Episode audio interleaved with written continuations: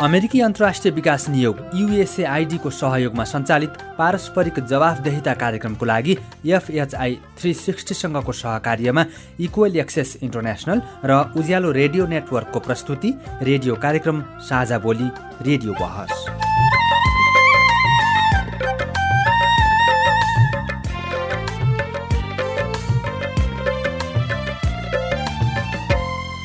नमस्कार। साझा बोली रेडियो बहसमा तपाईँलाई स्वागत छ। म जानुका दुवाडी साझा बोली रेडियो बहसमा हामी नागरिक समाज आम सञ्चार माध्यम र सार्वजनिक निकाय बीचको पारस्परिक जवाफदेहिता र आपसी दिगो सम्बन्धका विषयमा बहस गर्छौं।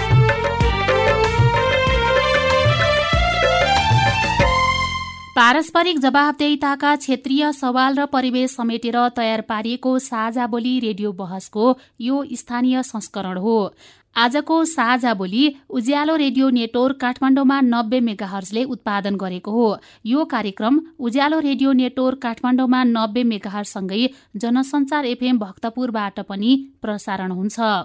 साझा बोली रेडियो बहसको यस सत्रको यो स्थानीय संस्करणको आज बाइसौं भाग हो। झण्डै चार वर्ष अगाडिदेखि प्रसारण भइरहेको साझा बोली यस वर्ष रेडियो बहसका रूपमा उत्पादन तथा प्रसारण भइरहेको हो।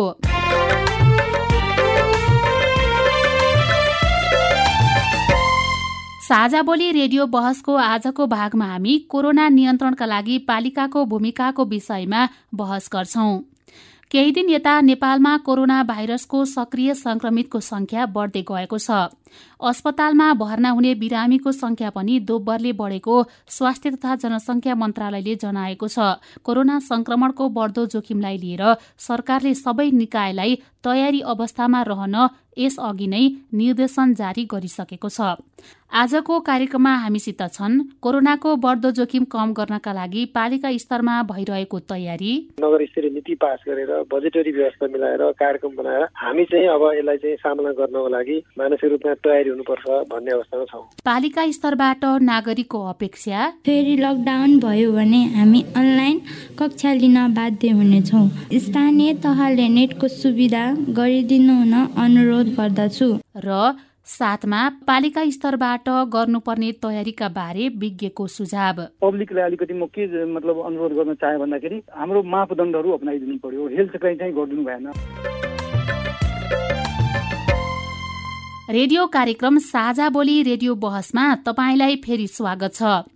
कोरोना भाइरस नियन्त्रणका लागि पालिका तहमा भइरहेका तयारीबारे बहस गर्नका लागि यतिखेर हामीसँग हुनुहुन्छ भाइरोलोजिस्ट डाक्टर श्रवण कुमार मिश्र र चाँगुनारायण नगरपालिकाका उपसचिव वीरबहादुर खड्का। आज खरो छलफल हुनेछ। कान थापेर सुन्नुहोला है।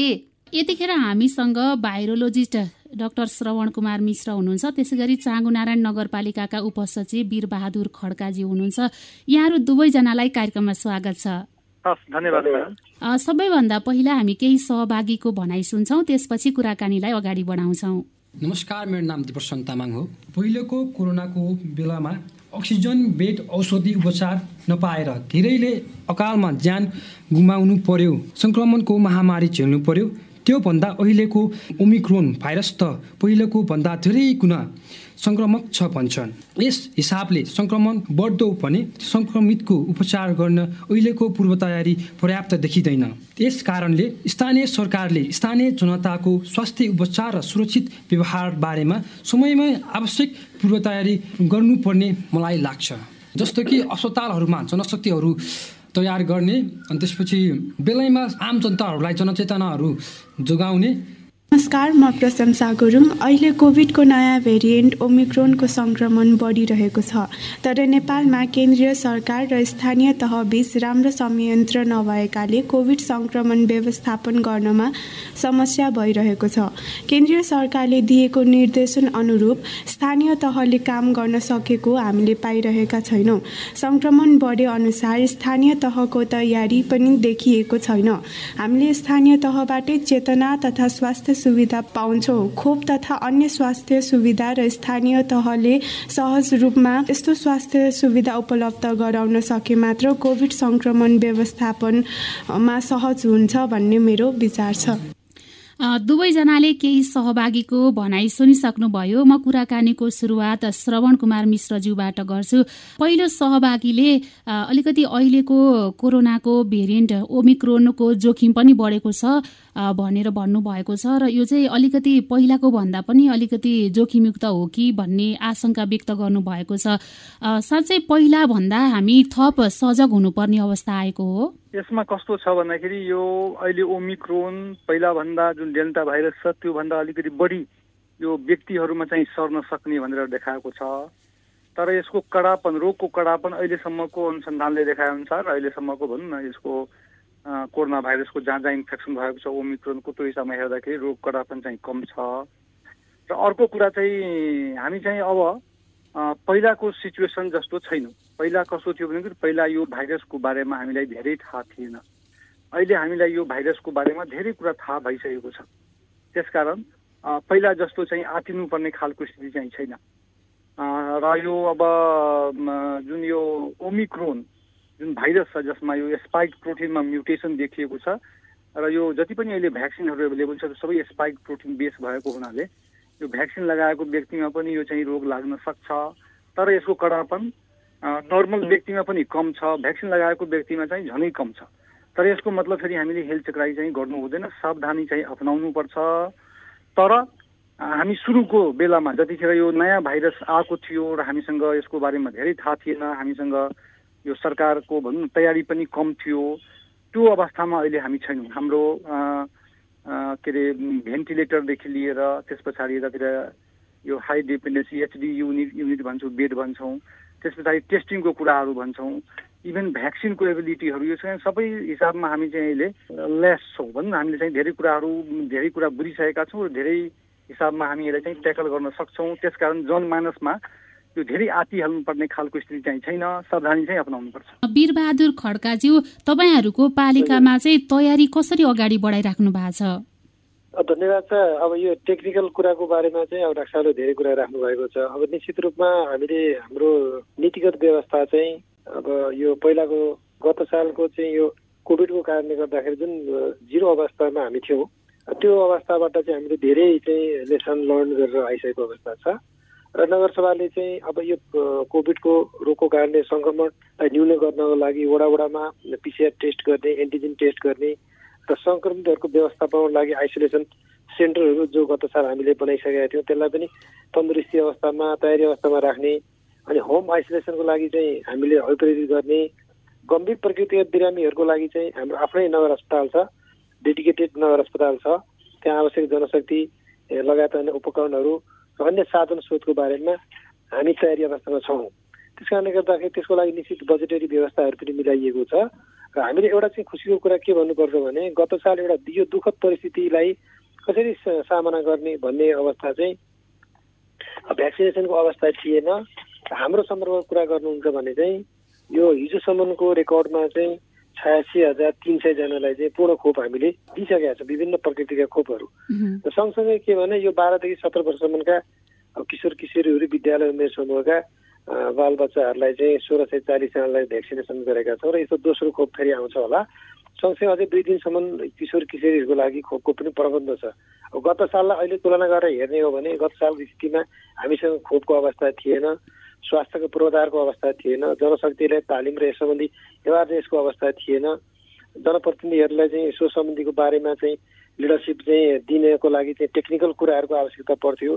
धेरै कुराहरूको बारेमा हामीलाई ज्ञान प्राप्त भएको छ र हाम्रो साधन स्रोत सामर्थ्य हाम्रो जनशक्ति यी सबै कुरालाई सम्पूर्ण रूपमा परिचालन गर्नको लागि चाहिँ नगरले चाहिँ नगर स्तरीय नीति पास गरेर बजेटरी व्यवस्था मिलाएर कार्यक्रम बनाएर हामी चाहिँ अब यसलाई चाहिँ सामना गर्नको लागि मानसिक रूपमा तयारी हुनुपर्छ भन्ने अवस्थामा छौँ। तपाईँले अहिले यो जुन तथ्याङ्क भन्नुभयो नि खोप लगाएको सङ्ख्या यो चाहिँ तपाईँहरूको नगरपालिकामा भएको भूगोलभित्र रहेका जनसङ्ख्याको अनुपातमा पर्याप्त हो त?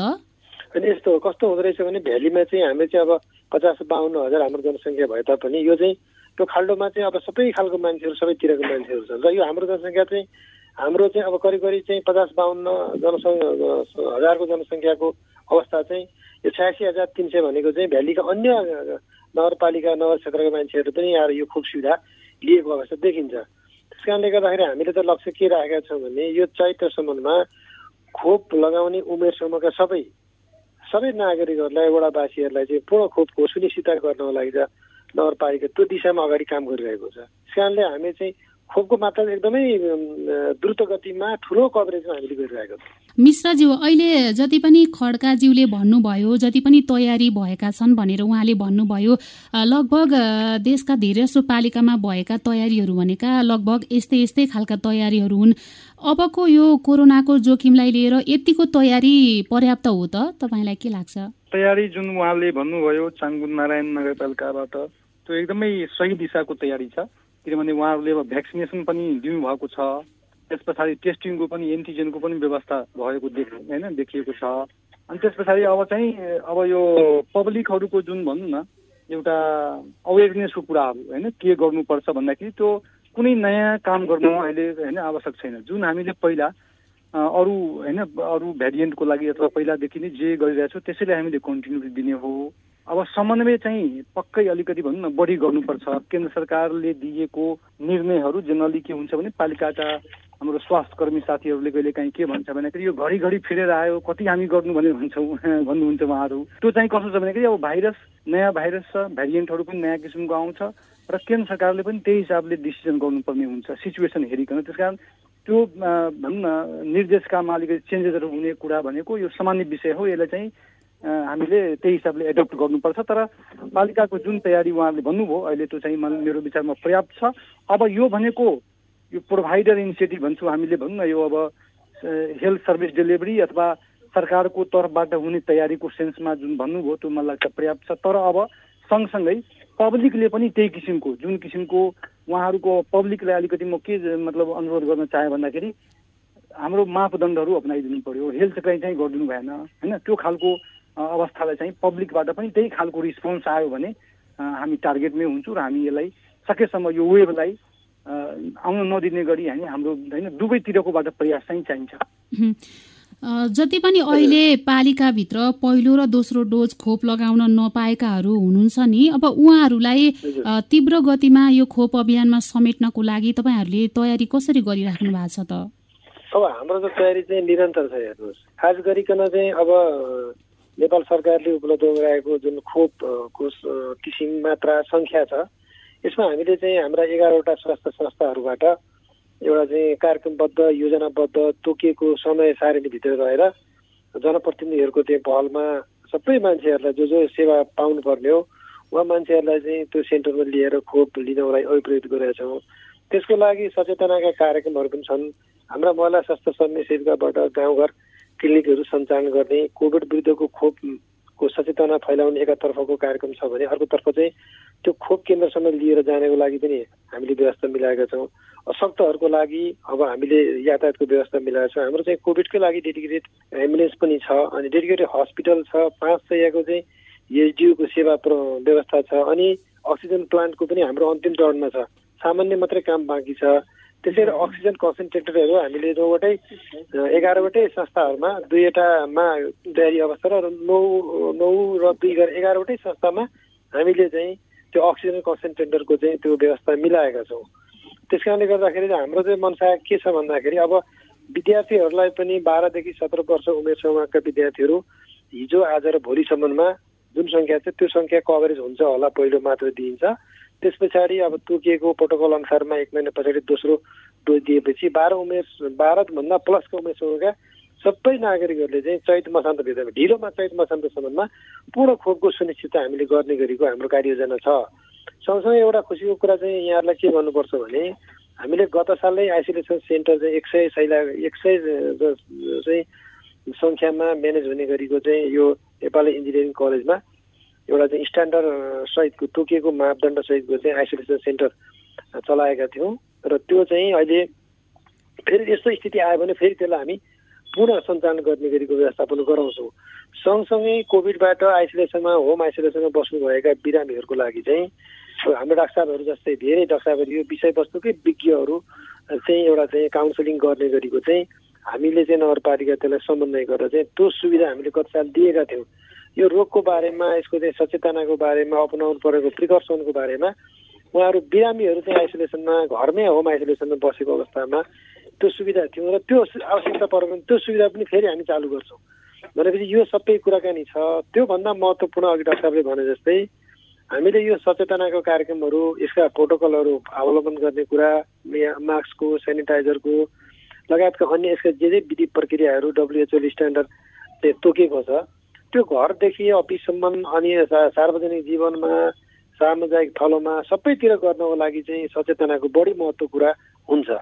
नयाँ नयाँ भेरिएन्टहरू आउँछन् जतासुकै जुनसुकै भेरिएन्ट आए तापनि यो स्वास्थ्यका मापदण्डहरू यसका प्रोटोकलहरूलाई हामीले साँच्चीकै कडाइका साथ घर परिवारदेखि नै सामुदायिक थलोदेखि नै अवलम्बन गर्ने हो भने चाहिँ अब यस्तो खालको भेरिएन्टलाई चाहिँ सामना गर्नको लागि हामीसँग भएको साधन स्रोत सामर्थ्य कमै छ यद्यपि कम भए तापनि त्यसलाई चाहिँ हाम्रो सचेतनाले हाम्रो जागरुकताले नै व्यवस्थापन गर्ने हो भन्ने लाग्छ। त्यसको लागि हाम्रो जनप्रतिनिधिहरू अत्यन्तै सजगताका साथ लाग्नु भएको छ र यसपटकको सङ्कट पनि आउँछ हामीलाई थाहा छ यो कुरा।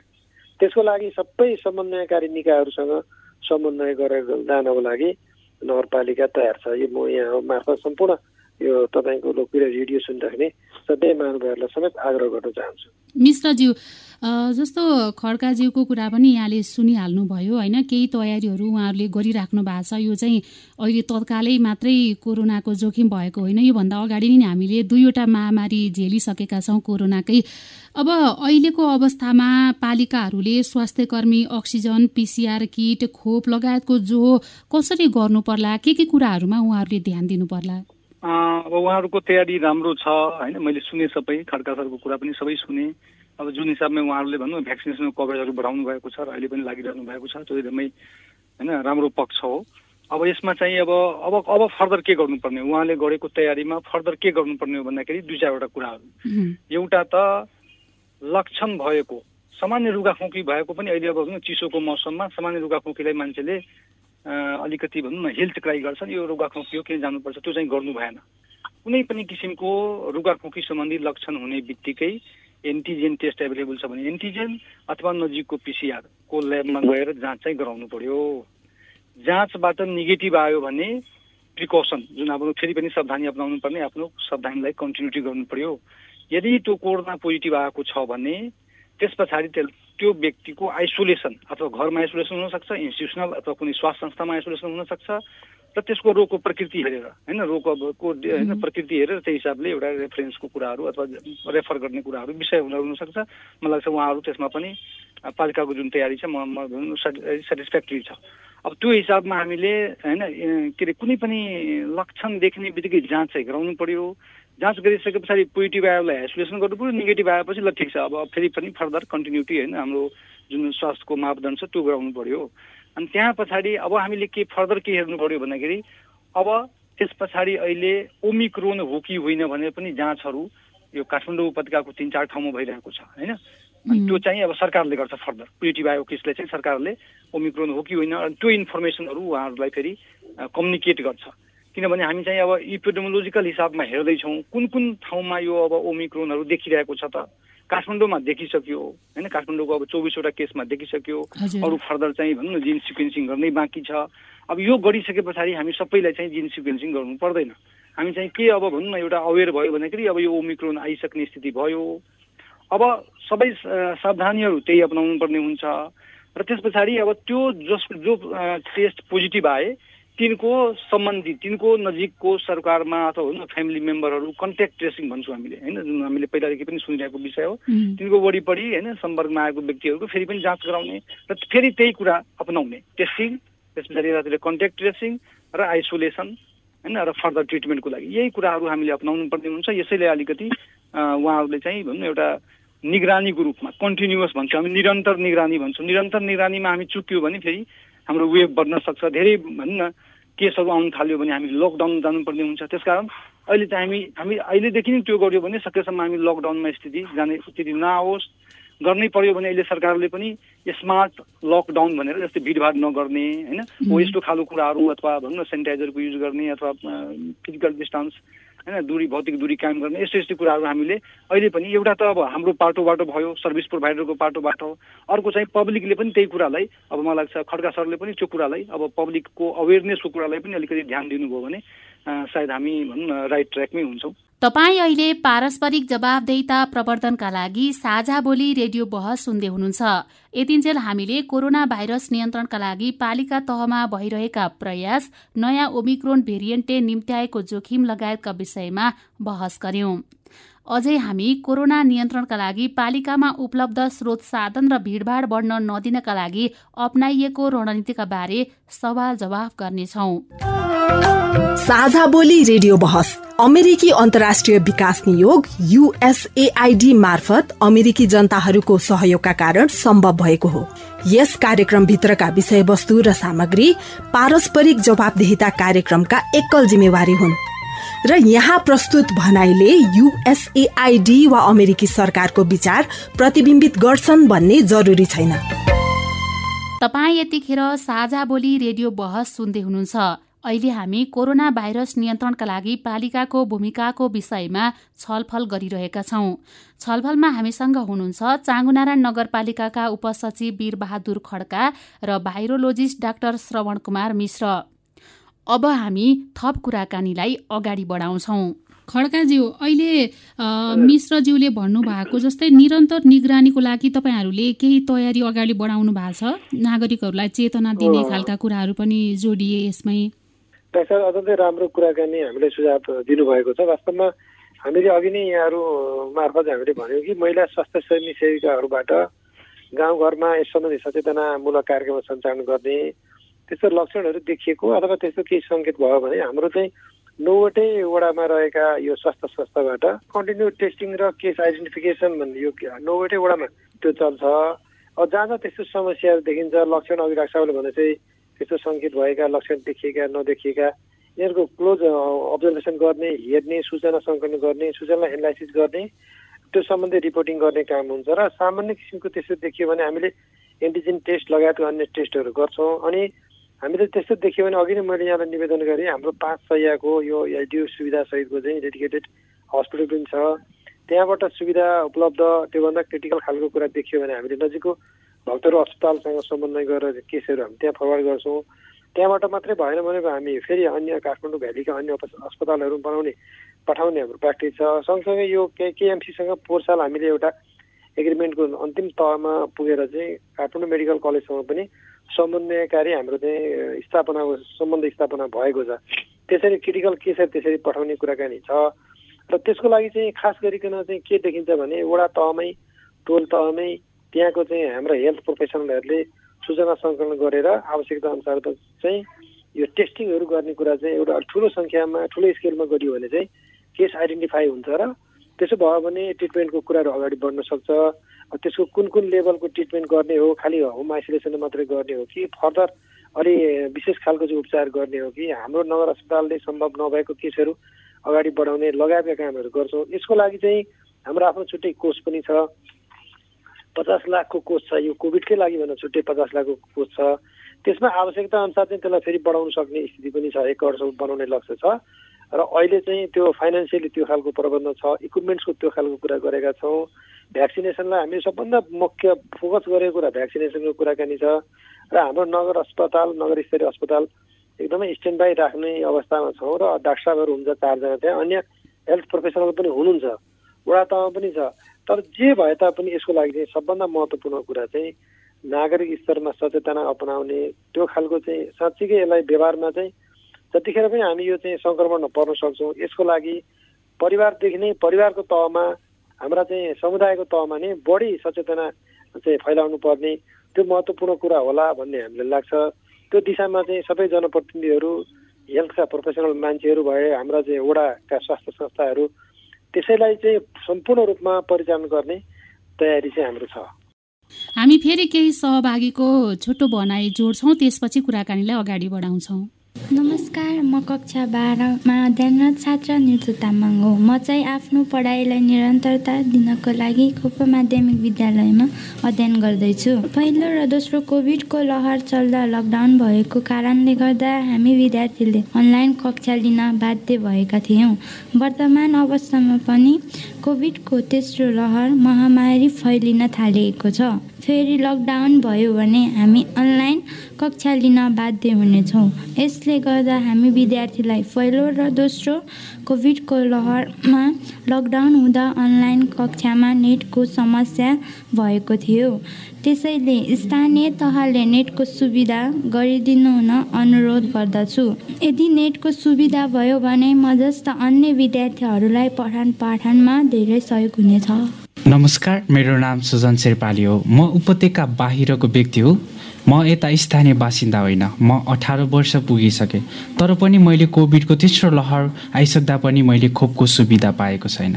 स्थानीय तहले खोपको वितरणमा राम्रो व्यवस्था गर्न सके। हामी जस्ता उपत्यका बाहिरका नागरिकले पनि खोप लगाउन पाएमा कोभिडको सङ्क्रमणबाट बाँच्न सक्थ्यौँ। कोरोना विरुद्धको खोप दिइरहेको सुन्छौँ तर हामीले कहाँबाट कसरी लिने हामीलाई जानकारी छैन।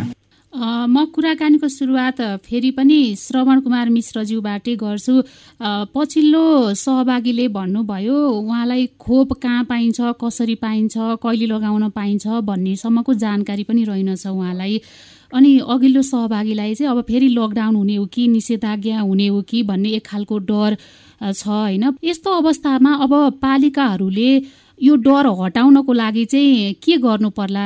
एउटा त अब खोपको विषयमा आयो होइन खोपको केन्द्रहरूको कुरा गर्नुभयो। अहिले मलाई लाग्छ प्रत्येक वडामा प्रत्येक पालिकामा चाहिँ यो खोपको व्यवस्था चाहिँ गरिएको छ। यो जिल्ला स्वास्थ्य कार्यालय मार्फत वडासम्म होइन हाम्रो पालिकासम्म हुन्छ र पालिकाको मेयर साहेबहरूले अब वडासम्म को चाहिँ भनौँ न सुविधा चाहिँ अहिले द्रुत गतिमा यो होइन हामीसँग खोप अहिले विभिन्न किसिमको खोप अहिले नेपालमा चाहिँ उपलब्ध छ। हाम्रो भाइ बहिनीले जुन यो जिज्ञासा राख्नु भएको छ आफ्नो उमेर अनुसार र नजिकको खोप केन्द्रमा जहाँ गएर पनि लिन पाउनुहुन्छ। खोप केन्द्र चाहिँ जेनरली हाम्रो होइन पालिका लेभलसम्म छ। र आफ्नो नजिकको ठाउँमा र आफ्नो चाहिँ भनौँ न उमेर मिल्ने समूह होइन जो कुन उमेरको छ र कुन खालको खोप हामी एभाइलेबल छ। जुनसुकै पनि एउटा त मैले के यहाँनिर सूचना दिन चाहेँ भन्दाखेरि आफू हाम्रो नेपालमा उपलब्ध जति पनि खोप छन् सबै खोप चाहिँ प्रभावकारी छ।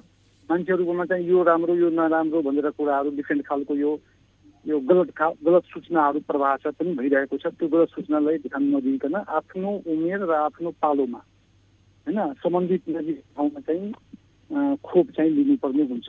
अर्को बहिनीले जुन प्रश्न उठाउनु भएको थियो लकडाउनको कुरा त्यो लकडाउन छ नि अब हामी आफै हाम्रो आफ्नै व्यवहारमा चाहिँ निर्भर हामीले यो केसलाई होइन यो निरन्तर रूपमा घटाएर राख्यो भने लकडाउन होइन लगाउनु पर्ने आवश्यकता आउँदैन। तर अब हेल्थ ट्राई गर्दै गयौँ मास्कै लगाएनौँ फिजिकल डिस्टेन्स हामीले मेन्टेन गरेनौँ सरकारले अहिले दिएको कुराहरू फलो गरेनौँ जस्तै अहिले भ्याक्सिन कार्ड र पिसिआरको जाँच यो दुईवटा कुरालाई जेनरली अब एउटा भनौँ न महत्त्वपूर्ण रूपमा जस्तै यो सरकारी सेवा लिने जाने बेला भ्याक्सिन लिएको छ कि छैन भ्याक्सिन भ्याक्सिन लिनुभएको छ भने त्यसको कार्ड अथवा त्यो त्यो कार्डको फोटो तपाईँको मोबाइलमा भए पनि त्यो खालको एउटा चाहिँ अनिवार्य यो चाहिँ यो सबै सरकारले स्मार्ट लकडाउन भ्याक्सिनको के अरे इम्प्लिमेन्टेसन यो सबै कुराहरूलाई कम्बाइन्ड रूपमा राखेर यो सबै अहिले भनौँ भर्खर पनि हिजो मात्रै निर्णय भएको छ होइन के अरे यो सिसिएमबाट हो सिसिएमसिसीबाट भएको निर्णयहरूलाई पनि हामीले पूर्ण रूपमा पालन गऱ्यौँ भने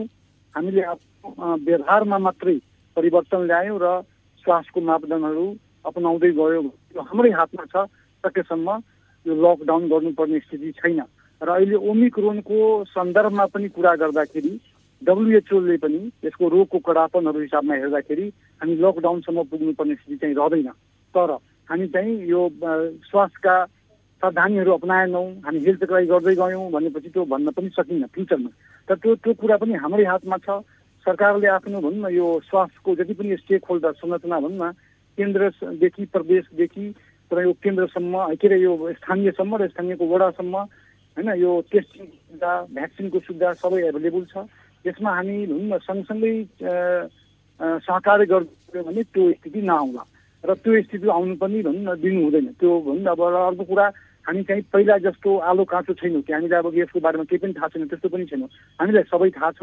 हाम्रो सरकारको पनि सङ्घीय सरकार प्रदेश सरकार स्थानीय सरकारको पनि तयारी जति अवस्थामा हुनुपर्ने हो इन्टरनेसनल हिसाबमा हेर्दा पनि हामी चाहिँ ठिक ठाउँमा छौँ। अब चाहिँ पब्लिकसँगको सहकार्य? दुवै हिसाबमा हामी गयौँ भने हाम्रो बहिनीले राखेको कुरा र यतातिर भाइको पनि कन्सर्नलाई हामी भनौँ न छलफल गर्दै गयौँ र यसलाई चाहिँ हामी सहकारी गऱ्यौँ भने त्यो स्थिति आउँदैन र हामी चाहिँ आउनु दिनु हुँदैन।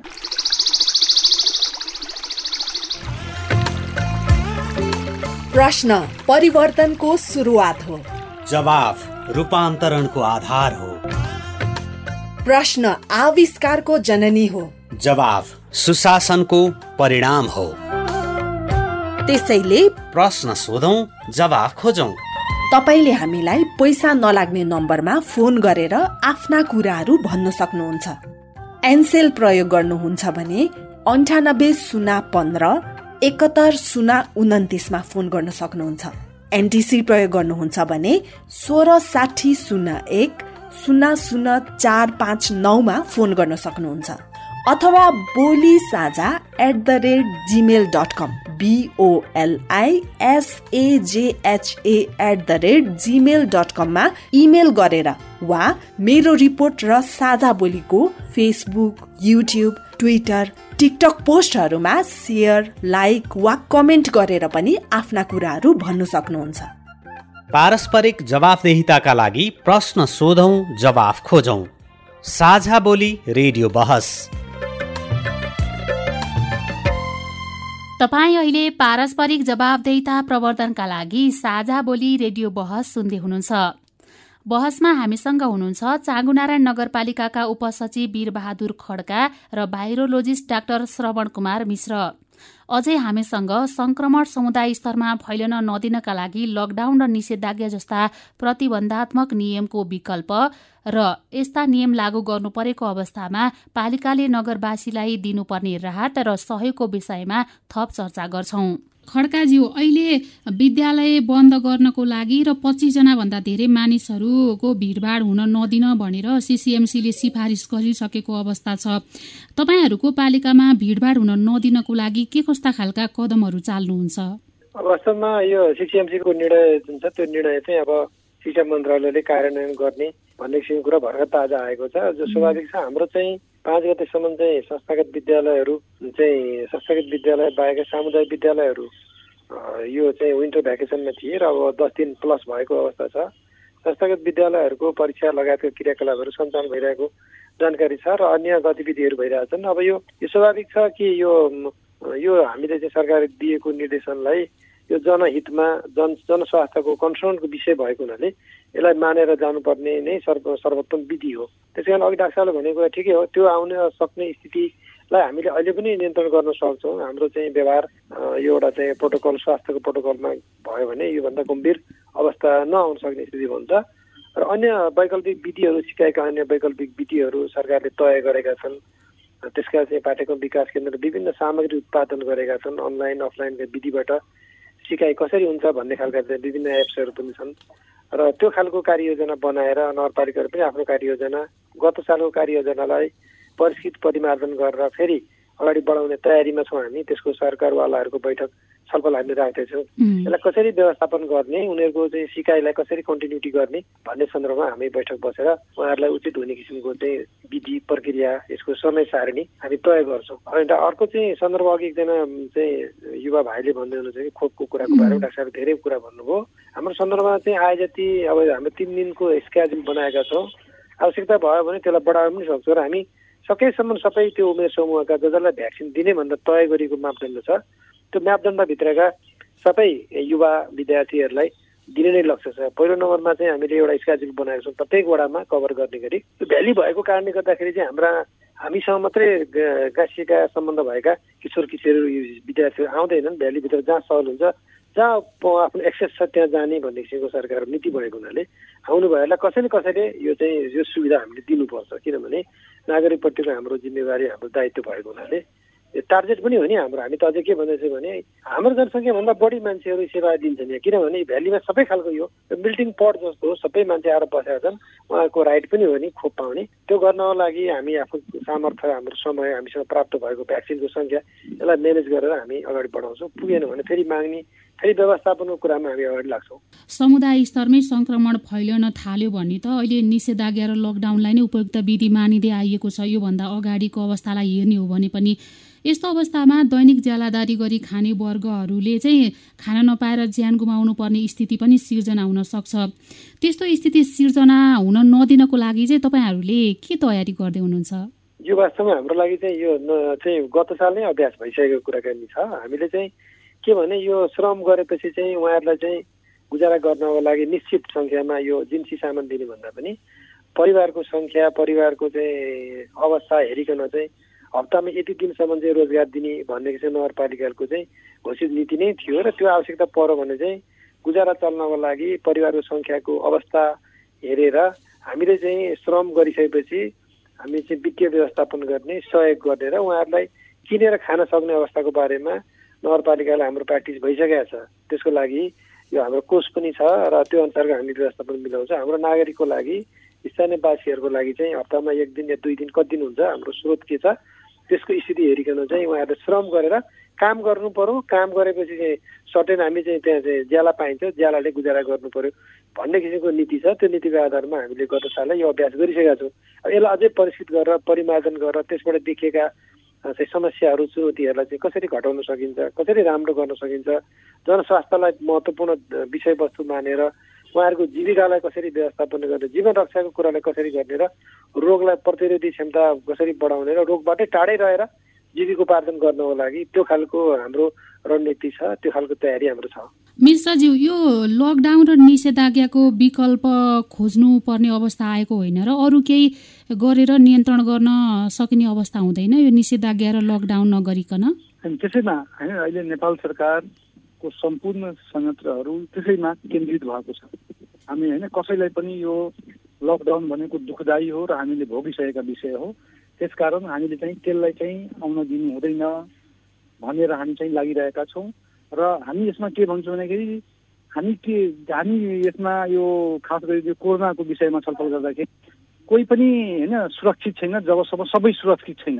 त्यसकारण यो काठमाडौँवासीको विषय अथवा बाहिरबाट आएको काठमाडौँवासीको होस् अथवा इभन अन्य पनि यो रोगले चाहिँ होइन के अरे ना होइन नागरिकलाई चिन्दैनन्। त्यस कारण अर्को कुरा यसमा के यहाँलाई निवेदन गरे जस्तै यो रोगको पहिचान गर्नु होइन एकदमै इम्पोर्टेन्ट पाटो हो। हामीले चाहिँ हेल्थ चेकाइ गर्नु हुँदैन अलिकति पनि रुगाखोकी लागेको छ। जुन पहिला सामान्य खालको रुगाखोकी हुन्थ्यो त्यही समान खालको पनि रुगाखोकी छ भने जाँच गराउने आइसोलेसनमा बस्ने र त्यस पछाडि सम्बन्धित वरिपरिको व्यक्तिलाई पनि जाँच गराउने यस्तो खालको हामी गर्दै गयौँ भने त्यो केस अथवा त्यो भयावह सिचुएसन आउनु दिनु हुँदैन। र त्यो आएन भने हामीले लकडाउन पनि जानु पर्दैन। र यो विषयलाई हामीले भनौँ न सस्टेन त्यही भएर हामीले निरन्तर निगरानीको कुरा गर्छौँ। निरन्तर निगरानी र सरकारले दिएको निर्देशनहरू पूर्ण रूपमा पाल्न। त्यसमा हामी हेल्थ सेक्राई गरेनौँ भने हाम्रो कहाँ त्यो लकडाउन स्थिति आउँदैन हाम्रो कहाँ वेट पनि हाम्रो दिन आउनु हुँदैन। तर म फेरि पनि दोहोऱ्याउन के चाहन्छु भन्दाखेरि हामी सर्भिस प्रोभाइडर अथवा सरकारको स्टेक होल्डर्सहरू चार पाँच लाख दस लाखको सङ्ख्यामा छौँ।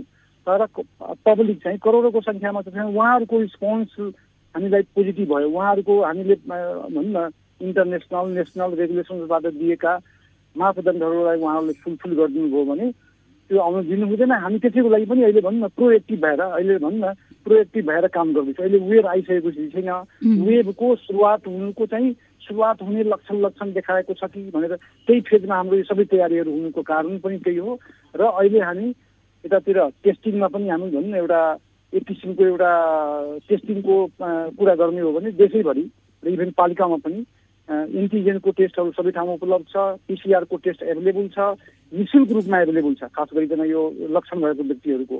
त्यहाँ त्यो कुरालाई हामीले निरन्तरता दिनुपर्छ। सँगसँगै हामीले अब हाम्रो बोर्डर उतातिर चाइनाको बोर्डर होस् अथवा यतातिर इन्डियाको बोर्डर होस् त्यो बोर्डरबाट पनि होइन नेपाल सरकारको भनौँ न एउटा यो पोइन्ट अफ इन्ट्री हेल्थ डेस्कहरू राखेर त्यहाँनिरको पोजिटिभ आएको केसहरूलाई सम्पूर्ण रूपमा यतातिर जाँच गर्ने र त्यो जाँचको आधारमा चाहिँ सर्भिलेन्सलाई पनि यतातिर निगरानीमा राख्ने र कम्युनिटीमा पनि ट्रान्सफर हुन नदिनको लागि पनि निगरानीमा गर्ने। यो सबै विधिहरू हामी अपनाउँदै गयो भने त्यो स्थिति नआउला। हजुर हुन्छ। छलफलमा सहभागी भइदिनु भयो यहाँहरू दुवैजनालाई धेरै धन्यवाद। धन्यवाद। यहाँलाई पनि।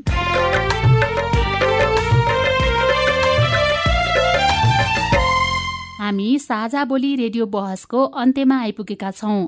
साझा बोली रेडियो बहसबारे मनका कुरा भन्नका लागि एनटिसीको मोबाइल वा ल्यान्डलाइन फोन प्रयोग गर्नुहुन्छ भने सोह्र साठी शून्य एक शून्य शून्य चार पाँच नौमा फोन गर्न सक्नुहुन्छ। एनसेल प्रयोग गर्नुहुन्छ भने अन्ठानब्बे शून्य पन्ध्र एकहत्तर शून्य उनातिसमा फोन गर्नुहोला। यी नम्बरहरूमा फोन गरेको पैसा लाग्दैन र प्राप्त निर्देशन अनुसार प्रश्न सोध्न सकिन्छ। पारस्परिक जवाबदेहिताबारे आफूले देखे सुने या भोगेका कुनै कुरा लेख मार्फत व्यक्त गर्न चाहनुहुन्छ वा अरूका लेखहरू पढ्न चाहनुहुन्छ भने W dot Mero dot net login गर्न पनि सक्नुहुन्छ। साझा बोली रेडियो बहस तपाईँले मेरो रिपोर्ट वेबसाइट पोडकास्ट च्यानल र सामाजिक सञ्जालहरूमा पनि सुन्न सक्नुहुन्छ।